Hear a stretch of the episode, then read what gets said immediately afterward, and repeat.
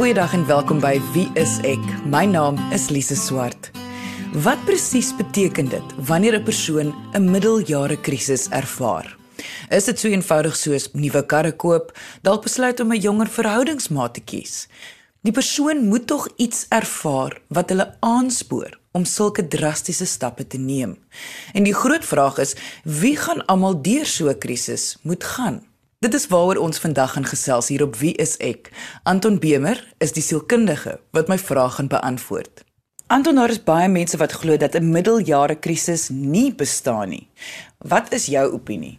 Lisa, ek dink dit is 'n interessante vraag want in sekere samelewings is dit baie minder 'n tendens, soos in lande soos byvoorbeeld Indië, Japan, is dit nie regtig iets wat mense deurmaak nie, maar daar's baie meer kulturele waarde wat daaraan gevoeg word in lande soos Amerika, Australië, Europa ensovoorts.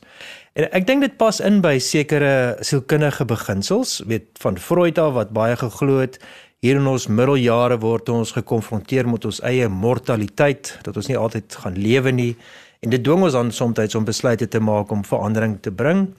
Jung het baie gefokus op die individu en dat ons meer individue moet word en weer eens kom dit baie sterker deur in mense middeljare.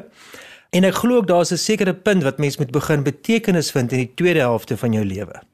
Wat jy 'n klomp, kom ons noem dit maar sielkundige take afgehandel het in die eerste fase van jou lewe en nou kom jy by 'n punt waar daar weer veranderinge plaasvind. Beide interne, fisies begin jy bietjie anders te lyk en jy begin dinge anders te doen maar ook het eksterne veranderinge vind plaas. Jou kinders mag nou op 'n ouderdom is wat hulle die huis meer verlaat of dit nou met jou toestemming is of daar sonder. Maar dit maak dat jy anders te begin optree as 'n ouer en meer na jou eie lewe begin kyk. En dit kan 'n krisis veroorsaak. Ek dink dis belangrik om dit nie net as 'n krisis te sien nie, maar ook dit net te noem as 'n verandering. Goed, maar sal almal daardeur gaan of net sekere mense? Ek dink daar is mense wat meer geneig is om daardeur te gaan. En daar is sekere faktore wat wat definitief 'n rol speel in terme van dit. As jy vroeëre krisisse in jou lewe gehad het, maak dit die kans groter dat jy dalk weer 'n krisis mag beleef. Van alles van daardie vorige krisisse nie noodwendig goed afgehandel is nie. En dit mag krisisse wees, kom ons sê byvoorbeeld dat jou eie ouers geskei het en en jy het baie trauma beleef daardeur of dat jy by tye slegte ervarings gehad het in verhoudinge wat wat nie uitgewerk het nie. Dat jy dalk selfs 'n vorm van abuse ervaar het in in verhoudinge. En dit mag dalk maak dat jy baie vinnig angstig raak as dinge nie goed lyk op die oppervlakte nie. So ek dink dit is 'n een komponent daaraan.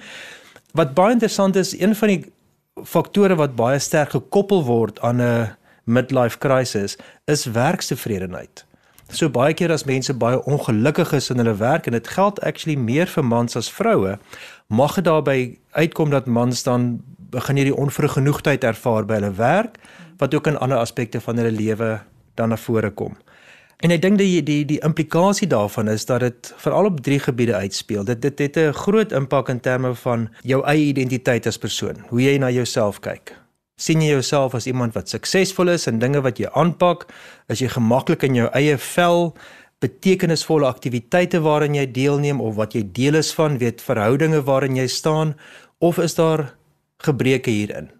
En ek dink dit is dinge wat mense moet sien as moontlike risiko's wat meer duidelik is in sekere mense se lewens, maar nie noodwendig in almal se lewens nie. Watter tekens sal tel as 'n middeljare krisis? Want almal van ons gaan tog een of ander tyd, soos jy nou gesê, deur slegte tye of deur 'n krisis. So hoe gaan 'n mens onderskei? Goed, hierdie is nou of ek ervaar nou 'n middeljare krisis. Ek moet erken, toe jy my gevra het om te praat oor middeljare krisis, het ek eersins gedink, hoekom vra jy vir my? en die tweedens het ek gewonder of dit te doen het met 'n sekere liedjie wat teruggekom het na my toe. En ek wonder of jy onthou die liedjie wat gegaan het at the age of 37 she realized she never ride through Paris in a sports car with the warm wind in her hair. And she sat there softly singing nursery rhymes she'd memorized in her daddy's easy chair. The Lucy Jordan's ballad. Okay, want sy het deur 'n krisis gegaan en en in daardie stadium was dit as gevolg van slegte verhoudinge in haar lewe. Weet sy het 'n baie slegte huwelik gehad en en mense kan sê sy het eintlik so emosionele breek gehad wat waarskynlik meer beduidend was in terme van haar eie emosionele welsyn en dit het gemaak dat daar hierdie krisis in haar lewe kom. Dit beteken nie dat elke persoon wat egter deur so krisis of verandering gaan noodwendig 'n kliniese diagnose van depressie of angs, maar daar is tog 'n belangrike onderskeid tussen 'n middeljare krisis en hierdie diagnose, want daar is nie 'n amptelike diagnose van 'n middeljare krisis nie. Dit is 'n sielkundige konstruk wat ons gebruik om sekere probleme en simptome te verklaar. So ek dink dat van die ander tekens is baie keer die woord wat ek net nou gebruik het onvergenoegdheid, dat daar ongelukkigheid is in jou werk en jou beroep as daar in jou intieme verhoudinge ongelukkigheid is. Met ander woorde daar's dalk nie tevredenheid daar nie en en dat jy ander vriendskappe begin aanknoop. Ehm um, en dis nie noodwendig net met persone nie, soms is dit deur Facebook, soms deur sosiale media. En van daardie vriendskappe kan dan meer intiem raak ook. Daar is ook dan natuurlik iets wat wat waarskynlik te doen het met generasies. Met ander woorde, soos jy ouer raak, begin jy agterkom maar nou is jy nie alleen 'n ouer vir jou eie kinders nie, jy speel 'n meer verantwoordelike rol in jou eie ouers se lewens en dit kan meer druk op jou plaas. Mm. En dan is daar sekere spanninge wat meer mag raak in jou eie lewe. So jy mag dalk meer angstig en bekommerd voel oor hulle welsyn terwyl jy nog bekommerd is oor jou eie kinders se welsyn. En van daardie veranderinge op emosionele vlak kan dan na vore kom in terme van 'n frustrasie, 'n irritasie en dit is baie keer wat ehm um, geassosieer word met midlife crisis is meer aggressie wat nou voorkom, meer irritasie wat nou voorkom. En natuurlik die ander aspek daarvan wat mense baie moeilik vind om te aanvaar is die fisiese veranderinge wat plaasvind. So daar is nou 'n bietjie van 'n magie as jy nou die parkrun gaan doen wat jy nie kan wegsteek nie. Daar is nou 'n bietjie meer plooie. Soos ek soek jy meer gereeld jou bril as jy net iets op jou selfoon vinnig wil kyk en natuurlik spot jou kinders jou meer daaroor. Wat nie help nie. wat nie help nie. So dit is dit is interessant ook dat mense dit middeljare krisis noem want middeljare vir die meeste mense sal 35 tot 40 wees. Dis omtrent die helfte van meeste mense se lewens, maar middeljare krisis word gewoonlik geassosieer van 45 tot 64. So dit is bietjie later in 'n mens se lewe, maar natuurlik wissel dit ook van persoon tot persoon. Jy luister na Wie is ek op RCG 100 tot 104 FM. Is dit nodig om voor te berei daarop dat jy deur 'n middeljare krisis gaan gaan. Weereens gaan die woord krisis bietjie anders te vertaal en en ek dink ek fokus baie sterk op fases in elke persoon se lewe waar daar veranderinge kom. As jy 'n klein toddler is, weet dan is jy geweldig afhanklik van jou ouers om vir jou kos te gee, om jou doek skoon te maak, om jou te help loop, dan gaan jy laerskool toe en dan jy verhoudinge met jou eerste maatjies en jou onderwysers, jy, jy leer lees en skryf. Jy gaan hoërskool toe en dan weet is daar ander seksuele veranderinge wat kom en jy moet jouself weer vind in terme van 'n nuwe groep mense rondom jou. Dan gaan jy universiteit toe of jy gaan werk en daar is jy nou skielik weer in die diep end ingegooi. So nou het jy weer 'n nuwe plek wat jy moet jouself vind. En dit kan ook 'n krisis vir mense veroorsaak. Ek dink dat is daardie bewusheid dat daar veranderinge in die lewe kom. Jy kan nie altyd dit kies nie en jy moet net 'n bewussyn hê dat indien dit kom, moet ek maniere kry om dit te hanteer. Van hierdie kan mens verwag, soos ek nou gesê het, fases, maar daar is ook ander dinge wat kom. Daar is meer van jou vriendekring wat deur slegte tye mag gaan. Hulle mag skei, hulle mag ernstige gesondheidsprobleme hê. Jy mag dit self deurmaak of jou huweliksmaat mag dit ervaar en dit kan vir jouself 'n krisis veroorsaak. Dit mag vir jou baie aanpassings verg en dan is dit die vraag weet hoe hanteer jy dit. So dit is net daardie bewussyn dat die lewe is nie altyd 'n konstante nie en jy ook nie. Daar gaan veranderinge wees. Dit wil voorkom dat mans meer voor jou hand liggend deur 'n middeljare krisis gaan, soos om karre te koop of selfs jonger vroue te kry. Maar dit beteken nie dat vroue nie ook deur hierdie fase gaan nie. Kan jy vir ons voorbeelde noem van hoe die twee geslagte verskil in hoe hulle 'n middeljare krisis of middeljare fase kan ervaar. Ek het 'n artikel gelees wat iemand baie tong in die kies beskryf het in terme van dat daar nou hierdie diagnose gemaak word in Amerika, maar dit was net 'n klomp mans wat op die diagnose besluit het van midlife crisis. Maar hulle het gesê daar is daarom goeie uh behandeling daarvoor en dit is alles dinge wat byvoorbeeld dinge insluit soos weet eens daai boepmaagie bietjie weg te sny, die onnodige neus en oorhare bietjie te kan trim, maar ook dat daar sekere mediese toerusting is wat baie kan help hiermee. Soos byvoorbeeld daardie baie mooi motorfiets daardie rooi sportsmotor wat daar in die venster staan. Ja. En natuurlik as jy nou regtig meer gewaag wil wees en dit moet jy net met toestemming doen, jy kan dalk 'n affair met 'n jonger vrou aanknoop. So daardie tipe raad word baie tong in die kies gegee en dan sê hulle natuurlik dan is daar ook na die ander vorm van behandeling wat nog onder navorsing is en dit is die bachelor party waarna jy genooi word, oh. weet. maar dit is nou baie tong in die kies gesê. Om terug te kom na jou punt toe, daar is verskille tussen mans en vroue. Hulle sê dat vir 'n man is dit gewoonlik iets wat baie langer duur en daar mag dalk emosionele redes daarvoor wees dat mans minder in kontak is met hulle eie gevoelens. En hulle sê dit kan enigiets tussen 4 tot selfs 10 jaar duur. Vir vroue kan dit tussen 2 en 5 jaar duur. Vir mans is dit baie meer gefokus in terme van beroep. Veral as jy sekere vooruitsigte gehad het waar jy jouself sien in tyd en nou kom jy agter maar jy hak vas hierso, jy kry nie bevordering nie. Of daar is nou hierdie jong latte wat nou baie vinnig opgang maak in die maatskappy en jy bly agter. Dit dit mag 'n krisis veroorsaak en natuurlik kan dit dan baie frustrasie veroorsaak. In vroue gaan dit baie meer oor die rolle wat hulle in hulle lewe speel. So dit kan soms wees die empty nest sindroom, jou kinders gaan uit die huis uit, jy het, voel jy het minder van 'n doel in die lewe.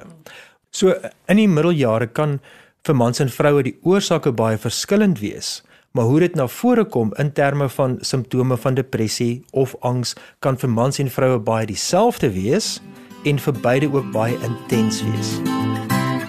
Meer wil weet oor Anton Bemer of enige van ons sielkundiges hier by Wie is ek, kan jy gaan na ons webwerf by wieisek.co.za. Anton, jy het nou ons het nou die die tongenetjies mm. gesê van hoe mans nou die karre en die hare en alles verander en so, maar dit is tog iets wat 'n mens die hele tyd sien. Mans wat deur middeljare gaan en dan verander alles. Hoekom dan spesifiek wil ek nou as vrou vra, nie dat jy 'n nuwe kar gekoop het nie, maar ek wil net as vrou vra, hoekom die karre? Hoekom die jonger meisie? Hoekom alles wat so ekstern, ek wil amper sê blink, nuut en jonk is? Net vir die rekord het ek ook nie 'n uh, fair nie. So ons moet dit wys dit. maar kyk, ek dink tradisioneel is daar die rol van die man as die een wat vergader, wat uitgaan en gaan jag. En ek dink daarmee saam is daar 'n sekere status hierdie nuwe motor wat jy gekoop het, hierdie blink motorfiets of baie duur Rolex oorlosie wat jy nou op jou arm dra. So baie keer is dit 'n 'n magsvertoon wat daarmee saamgaan en natuurlik ek dink dit kan ook 'n poging wees om op te maak van ander vermoëns wat nie meer so sterk is nie. So hierdie uiterlike simbole mag dalk pogings wees om op te maak vir ander aspekte wat meer problematies raak vir jou. Moet 'n mens 'n middeljare krisis net sien as 'n negatiewe lewensfase of kan daar ook goed daaruit kom? dit dit mag oorkom asof ek nou bietjie spottender daarna verwys of ook net fokus op die negatiewe. Maar dit is definitief nie die geval nie. Dit is belangrik om dit om in dit in 'n ligter lig te sien, maar ek dink terselfdertyd vir die persoon te midde van dit is dit baie swaar, moeilik, maar ook vir die mense rondom hulle. Ons dink baie keer in terme van hulle eggenoot, hulle lewensmaat wat dit baie moeilik mag ervaar, maar selfs hulle kinders mag dit baie keer moeilik ervaar want nou ewe skielik begin pa optree op ander maniere wat vir hulle dalk bietjie embarrass. En dit is ook interessant, baie van die navorsing wys dat as 'n kultuur weet ons nie altyd wat om te doen met 'n midlife crisis nie. So daardie persoon mag dalk ervaar eerstens hulle word nie verstaan nie. Tweedens, hulle mag baie alleen voel en derdens, hulle weet self nie wat om te maak met wat hulle deurgaan nie. So dit is dalk dat hierdie nuwe motor nou vir 'n uh, 'n maand of twee weet baie aandag trek, maar dan is dit net nog 'n motor. Dit is nie dat dit 'n langer termyn betekenisvolle bydrae lewer tot daardie persoon se lewe nie. En daardie selfde emosies wat onderliggend is en soos ek net nou gesê het, dit kan aangaan vir 'n paar jaar. Daardie onderliggende emosies is nog steeds moeilik om te hanteer. Dis nog steeds daardie ervarings van angs of paniek. en ook dan daardie neerslagtigheid, dinge wat nie meer lekker is nie. Dit is nie net werk nie. Dit mag stokperdjies wees, dinge wat jy in die verlede geniet het om te gaan doen. En daar's net nie daardie behoefte om dit te doen nie. So dit is regtig nie 'n lekker ervaring om deur te gaan nie. So dit, dit is dan 'n vraag wat doen jy met daardie behoeftes? En ek dink vir my is dit eersins belangrik om te sê dit is nie almal wat na ekstreme toe oorgaan nie. Nie nie elke man het 'n affair nie, maar ook nie elke vrou het 'n affair nie. Dit is ook belangrik om te sê weet dit is 'n geleentheid vir groei. Dit is waar jy die kans kan hê as jy dit wil aangryp kom ons sê van 'n tweedimensionele figuur na 'n driedimensionele figuur te groei en nuwe aspekte van jou menswees te ontdek, nuwe dinge wat jy nog van tevore dalk nie gedoen het nie, te doen saam met jou gesin of saam met jou vrou of saam met jou kerel of wie dit ook al mag wees. Ek dink dit is daardie geleentheid wat wat hierdie ervarings wakker maak om te sê, weet jy wat, ek het nodig om meer my eie persoon te wees en dit mag dalk soms bietjie met met skuur werk kom. Nie almal gaan altyd gemaklik wees daarmee nie, maar die positiewe daaruit is in terme van dis my proses om meer 'n individu te word en om 'n beter individu te word vir die mense naby my. En as albei partye in 'n verhouding op dieselfde tyd daardeur gaan? Dit is natuurlik baie moontlik en de wat wat dit baie keer kan veroorsaak is wanneer een persoon deur so 'n krisis deurgaan, het dit 'n impak op die ander persoon. So die ander persoon se krisis mag ingebring word deur persoon nommer 1 wat deur 'n krisis gaan. So dit is iets wat kom ons sê maar aansteeklik mag wees. En dit maak dit moeilik as as beide persone hierdie frustrasie het want dit kan baie keer uitloop in konflik na mekaar toe.